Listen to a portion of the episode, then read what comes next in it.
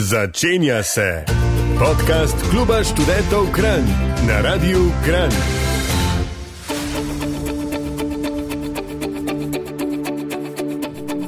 Lepi ljudje, dobrodošli v našem podkastu. Danes se bomo posvetili eni izmed najbolj elegantnih in zahtevnih oblik plesa - plesu ob drogu. Ja, verjamem, da ste mnogi zastrigli z ušesi in nagnali otroke ven iz prostora, a zagotavljam, nič neprimernega ne bo v današnjem podkastu, v katerem bomo imeli čast gostiti plesalko Tejo Burgar, ki bo z nami delila svoje izkušnje, znanje in strast do tega umetniškega izraza. Ples ob drogu je več kot le fizična aktivnost, gre za izjemno zahteven plesni stil, ki združuje moč, gibčnost, eleganco in izraznost. Danes se bomo torej naučili nekaj novega, A ni fino, cenjeni poslušalci, da se vsak dan naučimo kaj novega, oziroma da imamo nasploh možnost se naučiti kaj novega, ker sej vemo, ne, nimajo vsi ljudje tega privilegija. No, skozi pogovor s tejo bomo raziskali, kako se je začela ukvarjati s plesom ob drogu, kakšne so njene izkušnje in izzivi, ter kako ta plesni stil vpliva na njeno življenje in samo podobo. Z njo bomo raziskali tudi nekatere stereotipe in predsotke povezane s tem plesom, ter tudi kako se spopada s temi izzivi. Ne glede na to, ali ste ena izmed približno 90 krajinskih plesalk ob drogu ali pa vas ta umetniška oblika zgolj zanima, vas vabimo, da ostanete z nami. V tem večeru vam družbo delam Lawrence HB.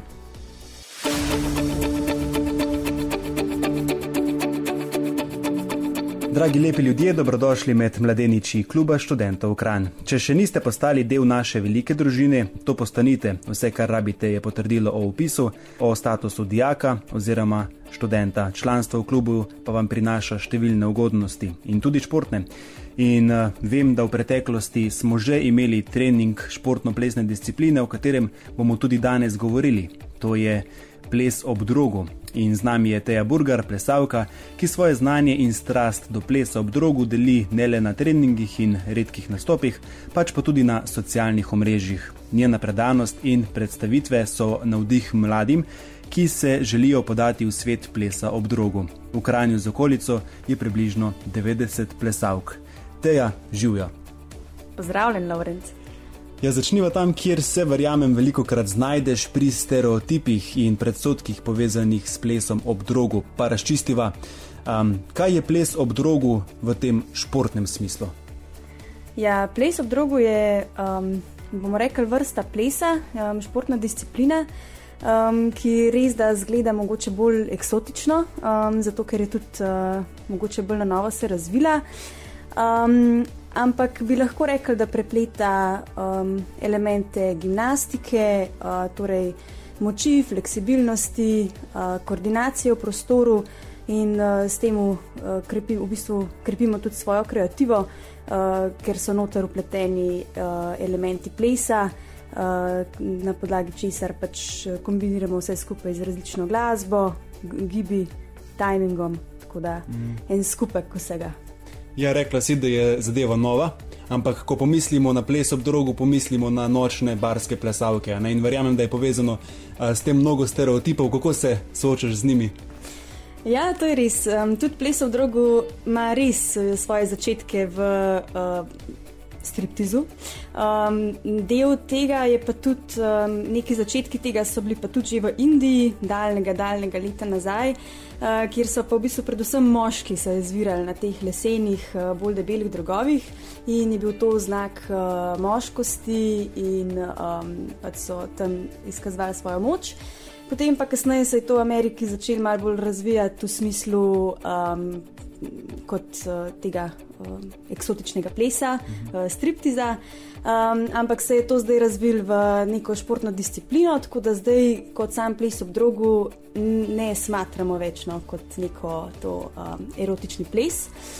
Um, s predsotki, ja, prvi predsotki, s katerimi sem se soočala, so bili to moji starši, so jih imeli zelo velik, uh, ker niso vedeli, kaj to je. Tudi sama v resnici nisem takrat vedela, v katero smer se to potem zapelje. Uh, Tako da mi je mami takrat rekla, da upa sam, da ne bom pustila faksa. No. Um, Ampak uh, sem jo potem prepričala, da temu ni tako in je pol tudi videla, da uh, gre zadeva bolj v športne vode, da gre bolj za neko um, elemente akrobatike, plesa in da je to taka lepa kombinacija, ki lahko zgleda zelo elegantna. Um, tako da, ja, v bistvu s predsotki se soočam tako, da mogoče uh, poskušam ljudem pokazati, da um, ni to šport v takem erotičnem smislu. Uh -huh. um, ampak se mi zdi, da se to tudi zdaj um, kar fajn razvija, no, tudi uh, v splošni populaciji se mi zdi, da je zdaj nekaj drugačnega življenja o tem. Um, tako da ja. Ja, ja. Se, se mi zdi, da je res med mladimi uh, ta ples oziroma ta šport če dalje bolj priljubljen. Ja, res je. Um, se mi zdi, da temu pripomorejo tudi um, punce, ki so dosti pogumne, da grejo sodelovati na te um, resničnostne šove. Uh mhm. -huh. Recimo ena izmed uh, teh je bila tudi zmagovalka uh, šova Slovenija, Slovenija ima talent, Jaša Dobravec, uh, ki je pač uh, zmagala in te svoje, um, svojo nagrado porabila za to, da je šla um, s te svoje. Um, Skile oziroma sposobnosti nadgrajevati v smeri cirkusa. Uh, Potem imamo tukaj tudi um, dvojico, duo Kamikazete, ki sta uh, navdušile, ker sta bile dve na drogu, in uh, tudi na podlagi tega vidimo, da um, pač se da zadeve delati v paru, veliko ljudi lahko sodeluje, um, lahko se to dela na različne stile, tako kot sem rekla, lahko se dela um, bolj v smeri cirkusa, kot neka akrobatika. Um, že sama glasba lahko napove stil um, plesa, torej lahko bolj v uh, baletne vode to zapeljemo, lahko um, je zadeva bolj počasna, elegantna, lahko pa se izvajajo bolj um, hitri in um, dinamični gibi. Mhm. Ja, da si lažje predstavljamo, kako izgleda en povprečen trening, oziroma kako sploh izgleda prostor, kjer treniraš. Uh mhm.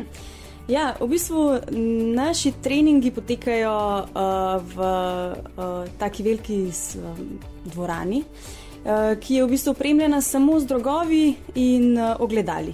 Um, vsaka, pač pri nas smo v bistvu um, delamo na tem, da bi, da bi vsaka punca imela svoj drog čez cel trening, zaradi tega, da um, ni potem komplikacij glede uh, menjavanja drugov in tako, tako da se res lahko um, pač ima možnost uh, celoten trening sama izvajati stvari na drogu. Um, in zgleda pa tako, da se na začetku treninga ogrejemo, to traja približno pol urce. Um, ogrevanje je sestavljen iz um, stretchinga, torej da delamo na fleksibilnosti, um, potem tudi kakšnih vaj za moč, uh, najprej splošne, pa pa tudi specifične, ki so potrebne za ta šport. Pol se pa, pre, pre, pa, pa pač gremo na drog. Um, ponavadi je sestavljen to iz posameznih elementov, predvsem na začetku, uh, potem pa tudi iz malce težjih kombinacij. Včasih kombiniramo treninge z kakšno koreografijo ali pa improviziranim plesom, tako da so treningi zelo raznoliki, na koncu še malo hlajanja in to je to. Mhm. Ampak za vse te vrste gibe, ki jih omenjaš, rabiš najbrž precej mišic. Um, ja, to je zanimivo. Veliko ljudi vedno to reče, da um, je mišica tista, ki nas, ki nas gor drži. In delno je res, seveda, um, pač je treba svoje telo kontrolirati in dvigati in um, pač uporabljati različne, um, različne smeri gibanja. Ampak je velik del tega tudi, da se naša koža prelima na drog. Um, zato tudi smo, bomo tako rekli, pomankljivo oblečene, ko treniramo. Ne zaradi tega, ker bi bilo to tako fino, da um, nimaš nič gor.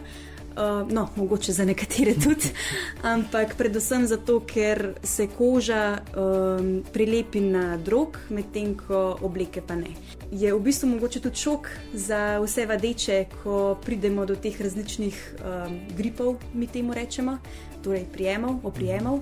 Um, ker ugotovimo zelo malo, da zadeve bolijo. Ker uh, ko se ti s komovcem obesiš na drog in obesiš gor celotno svojo težo, uh, te to tudi malo požlajfa, po domač povedan. je veliko modric na začetku? Ja, modrice je ja. veliko, odvisen je to tudi, seveda, od tipa kože. Nekateri pač imamo kožo bolj občutljivo, nekateri manj. Um, odvisno tudi od tega, koliko ponovitev samega elementa izvedeš med treningom. Da, Ja, v nadaljevanju podcasta seveda ne bomo govorili samo o modricah, pač pa tudi o vseh um, globinah lepote plesa ob drogu strani plesalke Teje Burger. Um, zato ostanite z nami, izvedeli boste še marsikaj zanimivega. Takoj po naslednji skladbi tudi, kako se je Teja Burger začela ukvarjati s plesom in kje je sploh slišala za ples ob drogu. Ostanite z nami.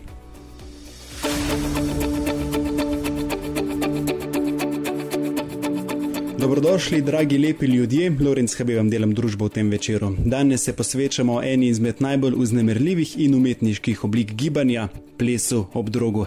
S plesalko Teo Burger spoznavamo svet tega elegantnega in močnega plesa, ki je pridobil veliko pozornost in popularnost v zadnjih letih.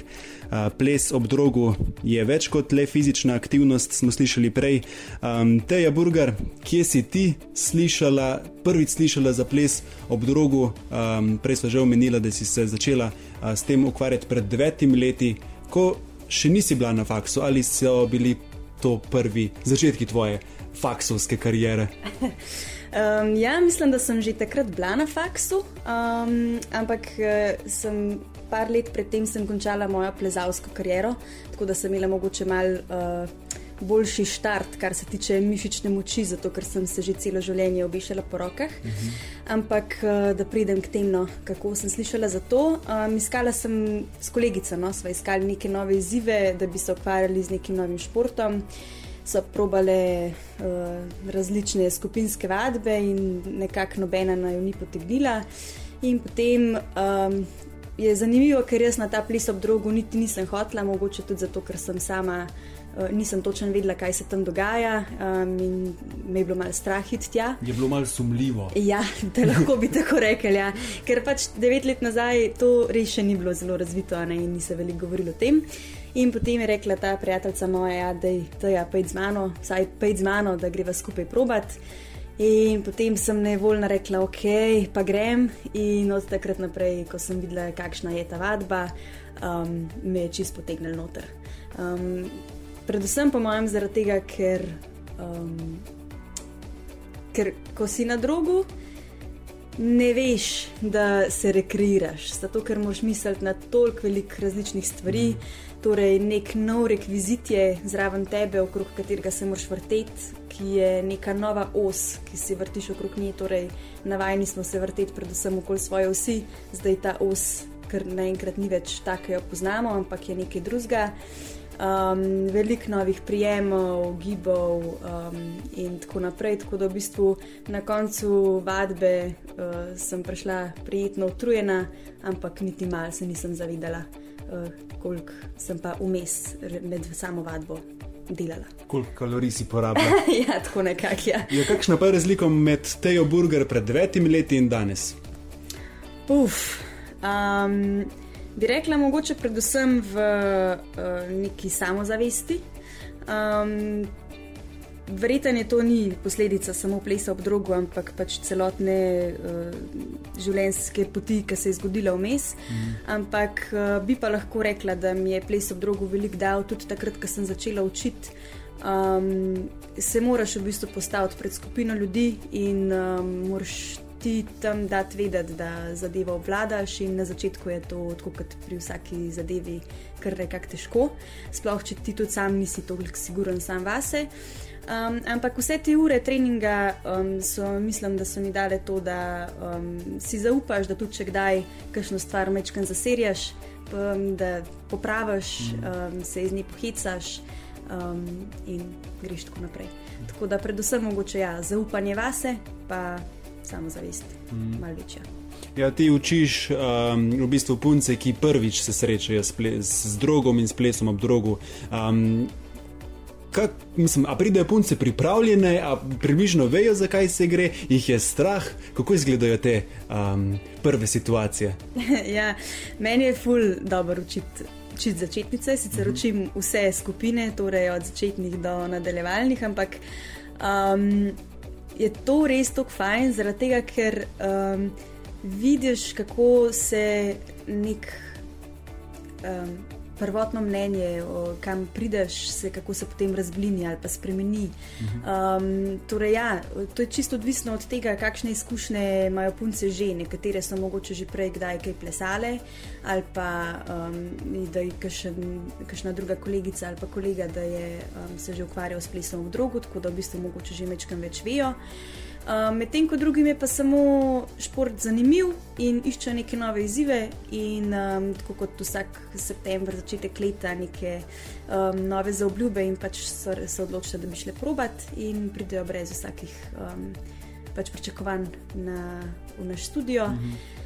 In potem ja, lahko da jih to potegne, nekatere pa pač ugotovijo, da ta način gibanja ni za njih, tako da vsekakor je pač v redu. Mm, ja, zastrigel sem z ušesi, ko si rekla, kolega. Torej so tudi fanti vmes. So. Um, v Sloveniji sicer eh, se mi zdi, da ta sfera še ni toliko popularna.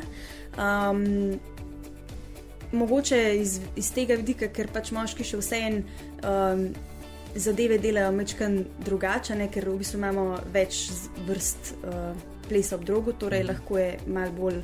Um, bomo rekli, eksotičen ali pa senzualen, ki se pleše v petkah. Um, in potem druga vrsta, ki pa je bolj akrobatski in športen. In moški, ponavadi vsaj tlepr nas, um, delajo predvsem ta športni um, stil plesa ob drogu. Ki pa zahteva malo več moči, um, tudi nekdo, ki bi inštruiral, ne, um, moškega, mora, mora pač vedeti, kaj dela, in tudi sam mogoče imeti izkušnje z nekimi težjimi elementi. Uh, Um, kar pa pri nas, mislim, vse so punce lahko tudi fulmočne, samo se mi zdi, da fanti imajo še vseeno malo več predispozicij, kar se tiče moči. Tako da lažje delajo stvari, ki so bolj na moč, in teže delajo stvari, ki so bolj za fleksibilnost. Um, Medtem ko pri puncah se zgodi ravno obratno, smo mogoče malo bolj fleksibilne. Pa Uh, pri tem mogoče malo manj močne. Um, seveda, to je bolj splošna zdaj, um, opaska. Um, se dogaja tudi oboje, da pač da so punce delajo svašta stvari na drogu. Um, pri tem gre predvsem za predispozicije, ampak ja, um, tle pa mogoče je malo več predsotkov, predvsem pri moškem svetu, da pač če moški reče, da uh, pleše ob drogu, je mogoče tudi v družbi uh, malo bolj smešno. No. Je malo sumljivo. Ja. Ja. Ampak obstajajo taki in um, so v bistvu ful dobri tudi po svetu, um, so res mojstri, um, kjer pač gre predvsem za obvladanje svojega telesa. Tako kot nek street workout, jaz temu rečem, mhm. -huh. samo da štanga ni. Uh, Usporedno s temi, ampak je pač napična. napična ja. Ja, zdaj si v glavnem govoril bolj uh, o plesu kot o športu, ampak ples ob drogu je tudi umetnost. Ne? Jaz mislim, da je lahko umetnost, zaradi tega, ker odvisen, kako to izvedeš. Um, gre se predvsem za to, da uh, če vzamemo kot ples, kot nek športen vidik, ne, kjer se hočemo samo zmatrati, ne, lahko to vzamemo kot nek način ja, street workouta, fitnessa. Ne. Um, če pa delamo bolj na plesnih elementih, ne gre pa za izražanje svojih občutkov s telesom, svojih uh, misli, uh, gre za.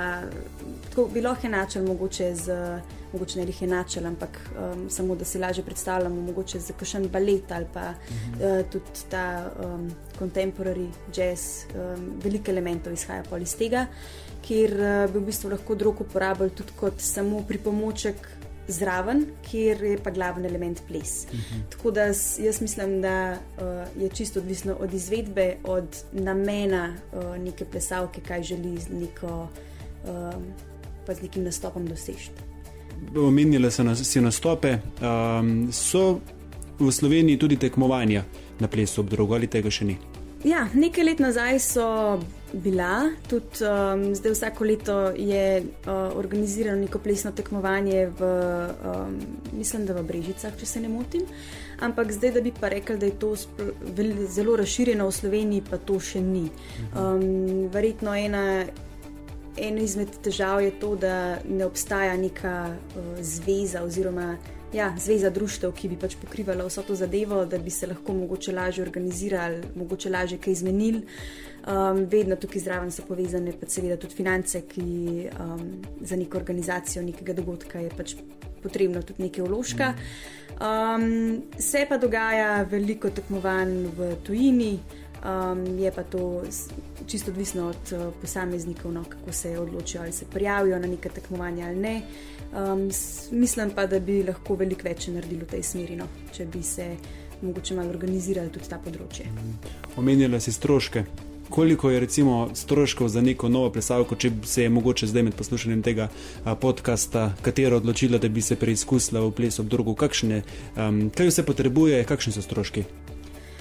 Uh, na začetku v bistvu stroškov ni veliko, odvisen, kaj tudi želi punca. Um, zdaj, če bi rada prišla samo trenirati uh, v studio, torej samo članarine v studiu, v Dnina, uh, oziroma kako koli ima studio oziroma klub to urejeno.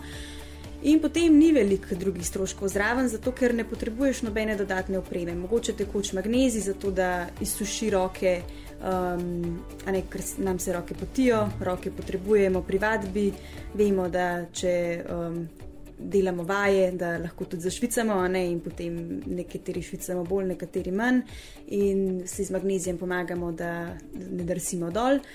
In pa obleke, ki pa pač ne rabijo biti nič posebenega. Uh, mislim, da imamo vsi doma ene kratke hlače ali pa trenerko ali pa pajkice, mm. tako da ne potrebujemo nobenega dodatnega vložka. Um, vložek mogoče edin pride, če se odloči kdo ali pa da, da bi imel pa drug doma. Um, to je pa se mi zdi pol tisti največji. Um, uložek, mhm. um, ki bi ga rabili, ampak to ni nujno, sploh to pač je čist odvisno od vsakega posameznika, koliko mu je šport všeč, um, koliko bi rad tudi sam potem doma delal, ampak ja, to, je, to ni obvezno. Mm. Jaz sledi en kratek glasbeni predah, po njem pa bova teja um, povedala, če si že dobila kakšno nespodobno povabilo, glede na to, da si plesalka ob druga si za. Seveda. Odlično, štikal pa smo nazaj.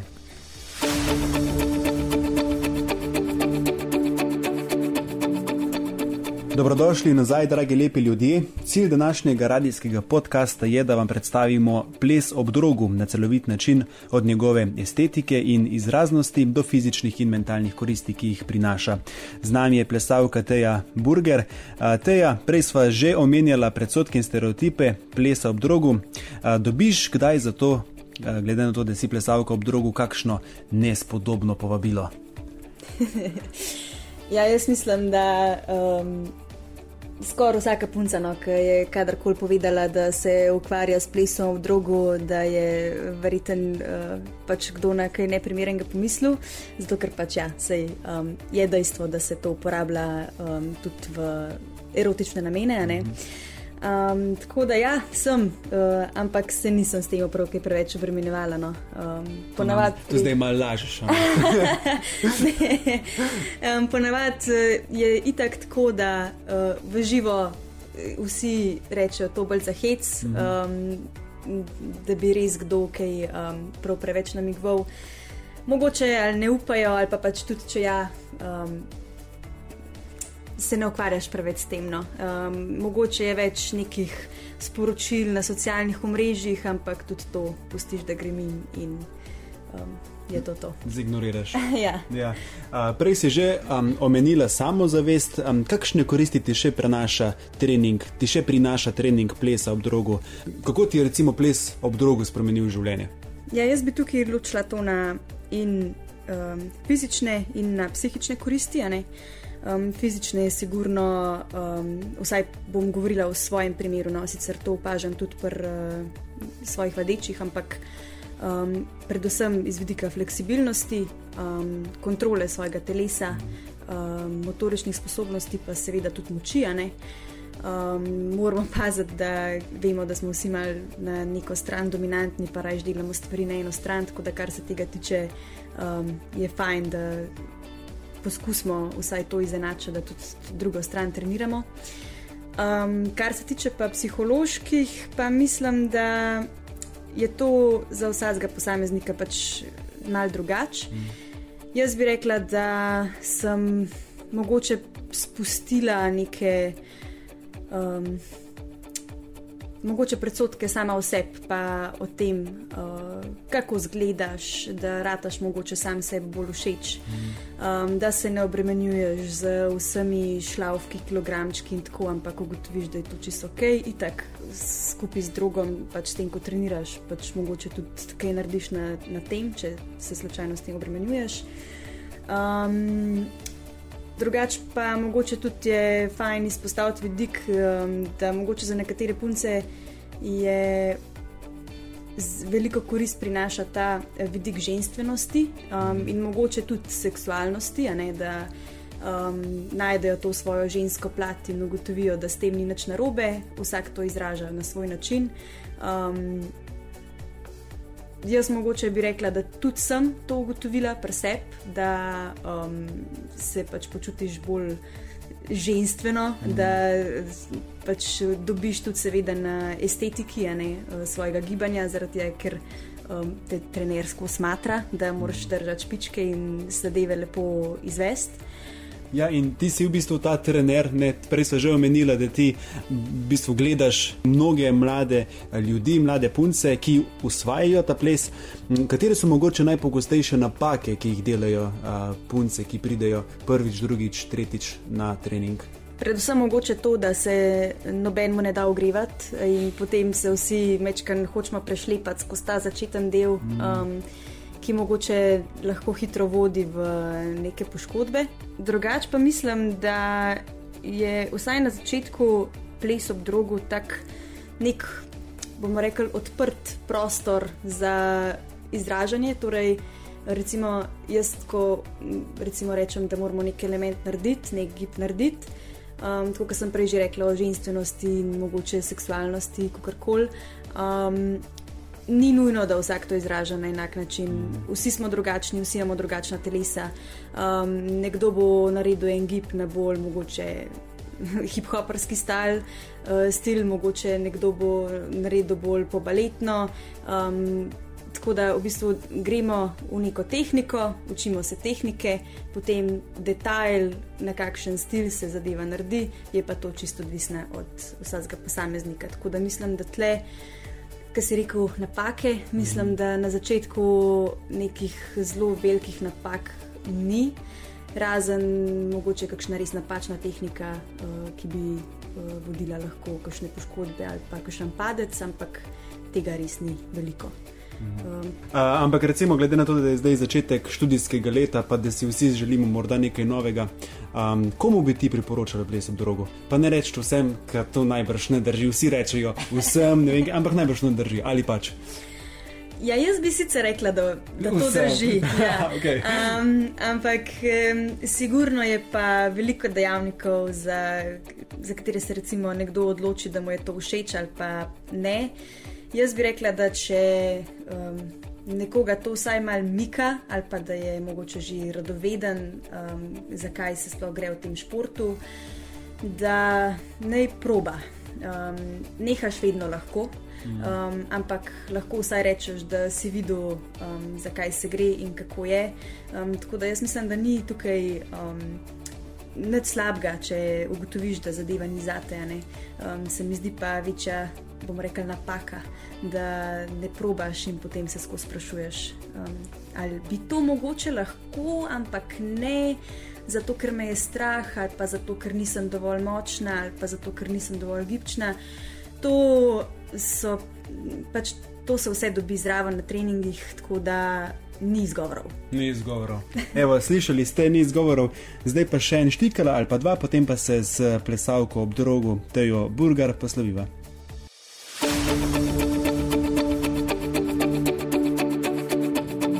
Pozdravljeni, dragi lepi ljudje. Ples ob drogu je športna disciplina, ki združuje elemente plesa, akrobatike in fitnesa. Danes s plesalko Tejo Burger spoznavamo ta ples. Teja, v plesu ob drogu plesalci izvajate različne vrtljive akrobatske figure in plesne gibe ob vertikalnem drogu. Omenjala sva jih tudi prej. Kaj je pa morda najtežje, čeprav se nam kot gledalcu morda ne zdi tako? Najtežje je na koncu ohraniti obraz, um, sploh če govorimo o kakšnih nastopih ali tekmovanjih. Um, ta um, obraz, kot da se nič ne dogaja, kot da je zadeva lahka. Um, tako da mogoče to, seveda, vsak element ima ali kakšne svoje karakteristike, moči, gibljivosti. Tudi, um, vsak, vsak ima mogoče nek gib, ki mu je težji, ali pa pač nekomu je zadeva lahka, nekomu bo težka. Tudi mislim, da iz izkušenj, no, kar se pa tiče, ja, če gremo spet bolj na nastope, ponavadi lažje stvari bolj fascinirajo gledalce. Um, mhm. Tiste, ki so pa bolj kompleksne, kjer gre um, za več zvijanja um, po drogu, po drogu.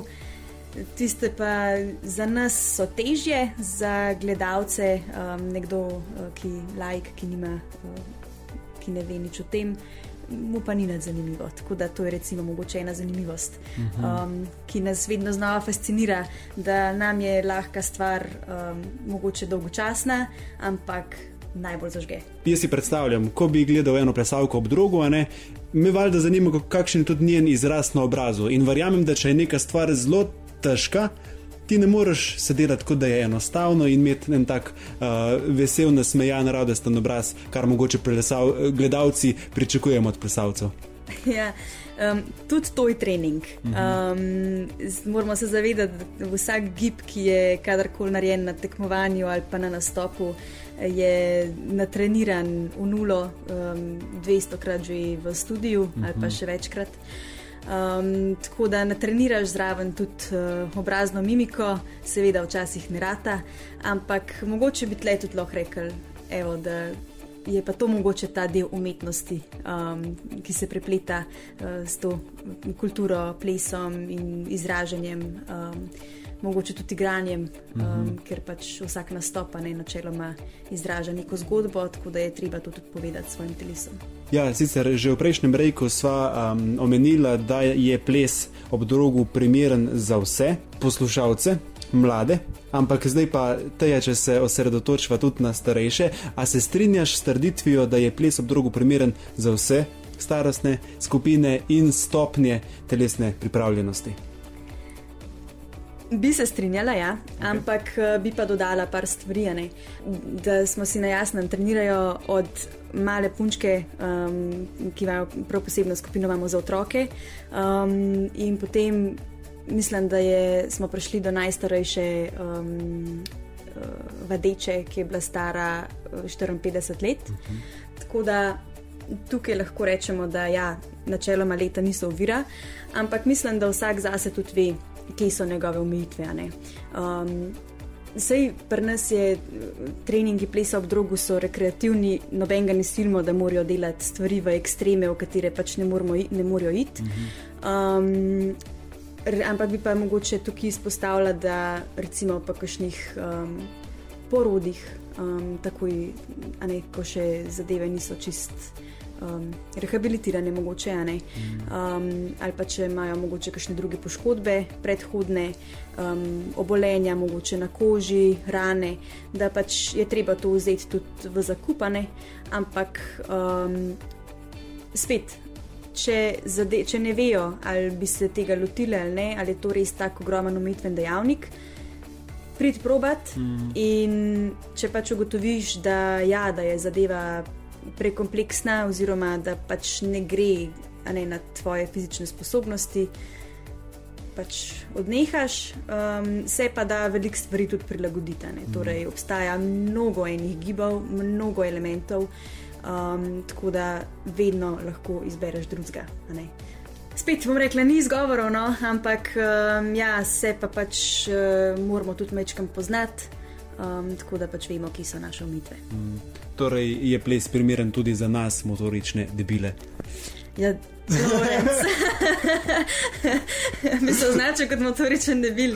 Morda, morda ob, ob drogu ja, ob drogu ja. Lahko prideš poskusiti, pa narediva pa še en uh, podcast, ker lahko tudi to um, motorično debilnost, uh, kot bi sam to izpostavil, lahko pretvoriš v mogoče kaj uh, nedebilnost. No. Oh, bravo, bravo. Evo, evo, še so možnosti. Ja, te, ti se s plesom ukvarjaš devet let, mogoče na kaj si do zdaj najbolj ponosna? Mogoče na to, da ustrajam že devet let um, in da mi je še vedno velik užitek um, plesati in delati tudi z ljudmi, da v bistvu, ko pridem na trening, ko odvoditi nek trening, torej ne zase, da, je, da mi to predstavlja sprostitev. Um, tako da, um, poleg vseh, seveda, osvojenih gibov, um, napredka v moči, v bljivosti, je v bistvu to. Um, Največji se mi zdi dosežek, no? mm. da še, še vedno zmorem toliko živeti v neki aktivnosti. Mm. Ja, to je burger, kje te ljudje najdejo, Najdete me pa v plesnem studiu M oziroma Polden studiu M v Kranju um, na Kolodborski cesti 2. Um, Ob bir pa bo v tisti veliki stavbi pri železniški postaji, tako da um, vedno dobrodošli novi vedeči, če ste se mogoče najdel v tej zgodbi moji um, in si rečete, evo zdaj pa ni več izgovorov. ni več izgovorov, novo študijsko leto, nove izkušnje so pred vrati. Hvala Teja za obisk v tem improviziranem studiu in želim ti še naprej veliko zabave. Ja, najlepša hvala in se vidimo v studiu, Lorenz. Tako, absolutno. Ja, en štikl in uh, končamo današnji podcast s študentskim napovednikom. Poslušate študentsko dajo na radiju Kran. Sedaj pa svinčnik ali tablico v roke. Saj si tole, kar boste slišali zdaj velja zapisati vse koledarje in opomnike tega sveta.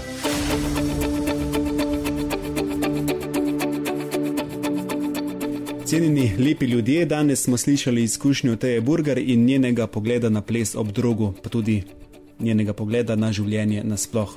V zaključku današnjega radijskega podcasta bi se rad osredotočil na pomembnost udejstvovanja v obštudijskih dejavnostih, ki prinašajo številne koristi za vas, študenti in dijaki. Je obštudijske dejavnosti, kot so klubski projekti, prostovoljno delo, športne aktivnosti in umetniški krožki, igrajo ključno vlogo pri razvoju študentov in dijakov. Te dejavnosti ne le omogočajo pridobivanje novih znanj in veščin, ampak tudi spodbujajo osebnostno rast, samozavest, timsko delo in vodstvene sposobnosti. Sodelovanje v klubih in skupinah izven učilnice prinaša priložnosti za mreženje, spoznavanje novih ljudi in izmenjavo idej. Študenti in dijaki se lahko naučite pomembnih življenjskih veščin, kot so organizacija časa, komunikacija, reševanje problemov in prilagajanje različnim situacijam. Poleg tega obštudijske dejavnosti omogočajo študentom in dijakom, da se izrazite na drugačen način, izpolnite svoje talente in strasti ter se sprostite od študijskih obveznosti. To lahko pripomore k bolj uravnoteženemu življenju in zmanjšanju stresa. Zato, cenjeni dijaki in študenti, apeliram na vas, da se aktivno vključite v obštudijske dejavnosti, ki so na voljo v vašem okolju in na klubu študentov Kran. Ne le, da boste pridobili nove izkušnje in veščine, ampak boste tudi obogatili svoje študijsko življenje in se pripravili na uspešno prihodnost. Zaključim še s povabilom, da obiščete našo spletno stran www.ksk.si in socialno mrežo kluba študentov Gran, kjer lahko najde vsak kaj zase. Seveda še enkrat vabljeni vsi mladeniči s statusom dijaka ali študenta, da postanete del ogromne družine kluba študentov Kran, saj s tem pridobite številne ugodnosti, da nimo brezplačne vstopnice za koncerte, zaston treninge, znižene smučarske karte in drugo. Postanite lahko pa tudi del naše radijske ekipe. Če bi bili radi z nami, mi pišite na lawrence.hb afna.ksk.si. V tem podkastu sem bil torej z vami Lorenz HB, slišimo pa se spet čez točno teden dni. Do takrat pa ostanite lepi. Poslušali ste podcast Kluba študentov Kran na Radiu Kran. Še več bogatih oddaj najdete v vaši najljubši brezplačni aplikaciji za podkaste. Vaše predloge in komentarje sprejema urednik Laurence HB na elektronskem naslovu laurence.hb afna ksk.si. Če smo tu, vaš klub študentov Kran.